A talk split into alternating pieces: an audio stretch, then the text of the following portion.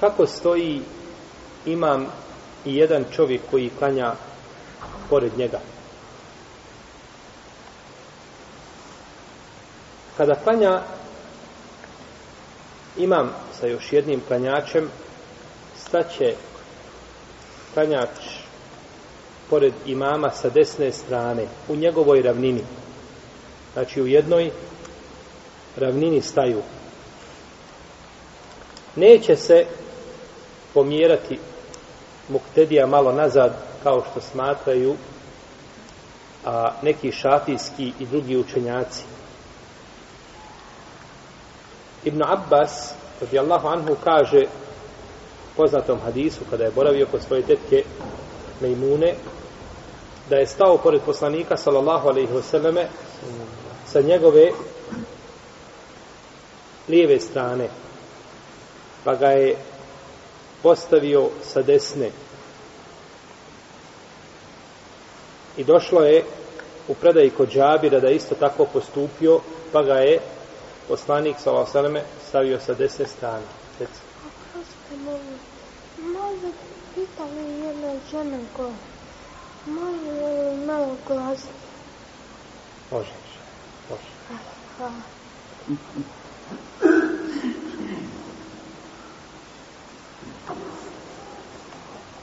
Znači, Džabir, radijallahu anhu, je klanjao kao što je, klanjao ko?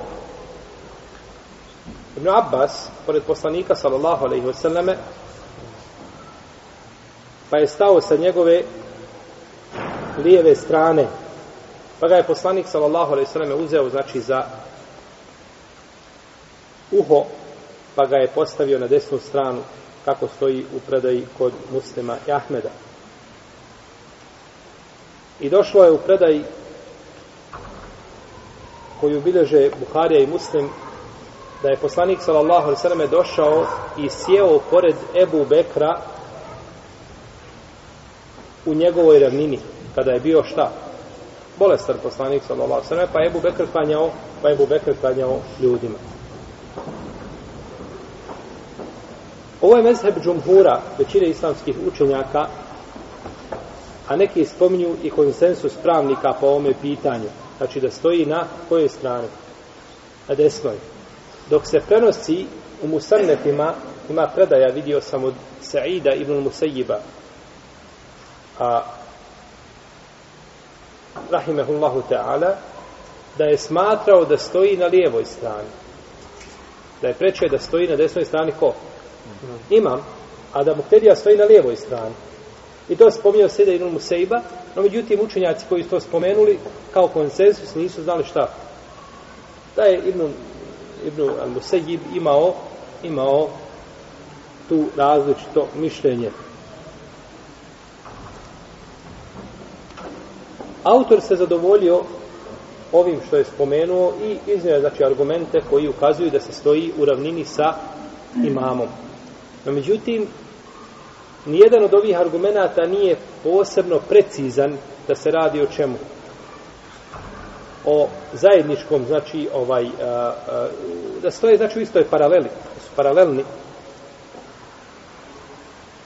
To što je poslanik, sa osram, sjeo pored Ebu Bekra u istoj ravnini, nije potpuno jasno. Bilo je potpuno jasno da se je to desilo kada?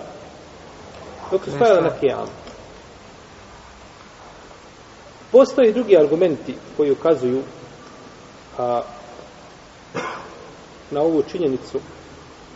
Ja ću vam pročitati samo nešto u stvari što je spomenuto u knjizi odlike i propisa Maza u džematu koju smo već spominjali ovdje. Islamski učinjac po ovom pravnom pitanju imaju podijeljena mišljenja. Većina pravnika smatra da će muhtedija stati na desnu stranu imama, potom, isti se, potom se isti razilaze da li će stati paralelno sa imamom ili iza, iza njega. Potom je ovaj spomenut hadis Ibn Abbasa kada je boravio kod tetke Mejmune. Kaže, nakon toga je ustao na noći namaz ko poslanik sallallahu sallam, jeli? Pa sam stao s njegove leve strane, poslanik sallallahu sallam, tada me povuče i postavio na svoju desnu stranu. Na osnovu ovoga hadisa imam Buharija u svome sahihu naslovio poglavlje Muktedija stoji paralelno sa imamom sa njegove desne strane ako su dvojice. Na osnovu čega? Na osnovu hadisa Ibn Abbasa da stoji sa njegove desne strane paralelno sa njim. A mi znamo da su dvije knjige u islamu fikr tih knjiga je u njihovim naslovima. To je knjiga imama Buharije, njegov sahih, gdje god je naslovio poglavlje, to ukazuje da imam Buharija zastupa šta to mišljenje za razliku od imama Tirmizije, imama Ebu Davuda. Oni ne, ne moraju znači, znači da zastupaju ta mišljenja, nego navode predaje koje ukazuju na šta. Na te naslov. Na te naslov. Navede naslov, imate vidi kaže, poglavlje šta se navodi po pitanju toga i toga. Odlikama namaza može, pa navede. Dok imam Buharija, kada navede poglavlje, on će hoći kazati, ovo što sam naslovio kao poglavlje, to je šta moje mišljenje. Pa mi mišljenja imama Buharije, kako ih znamo, znamo ih iz njegovih poglavlja ili eventualno ono što su prenijeli islamski učenjaci, njegovi učenici, drugi od njega do nas. Ali je uglavnom to iz čega? iz poglavlja. To je jedna knjiga i druga knjiga je knjiga imama Siboveja u Nahvu. To je jedan veliki islamski učenjak arapskog jezika koji umro sa 32 godine. No, međutim, danas doktori jezika i lingvističari staju paralizirani pred tom knjigom i ne mogu protumačiti šta je govorio. A, znači, pisao je to kao dječak, ili mladić. Kaže Ibn Hajar, sad Ibn Hajar pravi opasku na riječ koga? Imama Bukhari, ali Ibn Hajar ima komentar koji se zove Fethul Bari na Bukharin Sahih. Pa kaže, iz poljašnjeg značenja ovog hadisa zaključuje se da Ibn Abbas stao paralelno sa poslanikom sallallahu alaihi sallam. Jer kada kaže, pa me je uzeo za ruku, spomnio smo predaje za uh, nadlakticu, za, za rame, za, za uho, za glavu, kome postavio sa desne strane. Gdje? Naprijed ili nazad ili paralelno? Nije spomenuto. Šta zaključujemo? Uh -huh. ovaj, na šta nam a, odma ukazuje ili šta nam na um pada da je, da je stao paralelno sa njim? Da nam, da nam predaje ukazuje da je stao paralelno sa njim ili ispred njega ili iza njega? Paralelno. Stavio me sa desne strane. Znači, osnova bila da je to šta? Paralelno. paralelno. Jer nije spomenuto ni napred, ni nazad. Znači, ovo je zaključak jedan koji se može shvatiti odakle iz, iz hadisa. Prenosi se da Abdullah ibn Utbe ušao kod Omara radijallahu anhu u podnevsko vrijeme dok je klanjao dobrovni namaz. Abdullah je stao iza Omara želeći klanjati sa njim. Omer ga povuče naprijed i postavi ga paralelno sa njim sa desne strane. Čiji je postup? Omerov. Ovaj postupak zabilježio je Malik i Abdurazak sa vjerodostojnim lancem prenosilaca. Poslanik sallallahu alejhi ve je jednog dana kako bilježi vam Hakim i drugi upravo svojim prstom u Ebu Bekra i Omara kaže iktedu bi hazeini min ba'di sledite kaže u dvojicu posle mene pa kada nema za nešto jasnog dokaza ashabi se raziđu preče je mišljenje Ebu Bekra i Omara od od ostali asaba, a mišljenje Ebu Bekra je preče od, od Omerovog. Ako nema šta, ako nema dokaza nikakvog, niko nema dokaza, nego je i štihad, tada je mišljenje ovih preče nego mišljenje drugog. Natija kaže, stao sam iza Abdullaha ibn Omara dok je klanjao jedan namaz. Ovo je sad ko? Sin Omarov. Dok je klanjao jedan od namaza. Abdullah me uhvati za ruku i povuče me dok nisam stao u ravninu njegovih stopala sa njegove desne strane. Povukao dokle? Dok nije stao u njegovu ravninu sa njegove desne strane.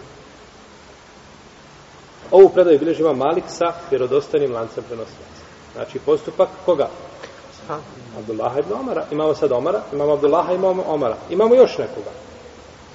Kaže Ibn Đurejž, radijallahu anhu, upitao sam Ata'a, a pa poznat je učenjak, ako klanja jedan sa imamom, kako će stati?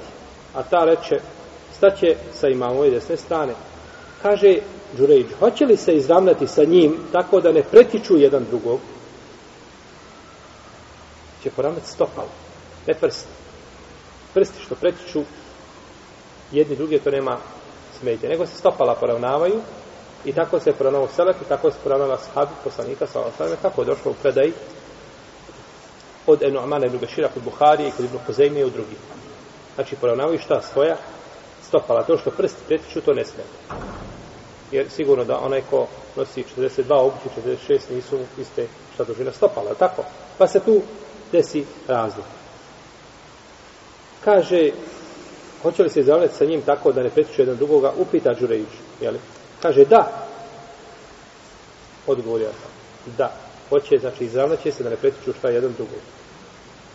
Kaže, hoće li se spojiti s njim tako da nema između njih razine, kaže, hoće. Spojit će šta? Stop. Znači, imamo postupak Omara, imamo postupak Omara, imamo postupak Apa, a ne znam da ima iko od Selefa da je kazao suprotno ovom. Da je rekao da se pomira, osim znači učenjaka koji izdošli u kasnim generacijama, koji iskazali, pak imam je imam i treba da stoji šta? ispred mi kaže imam je imam, a Omer je najbolji imam, je tako?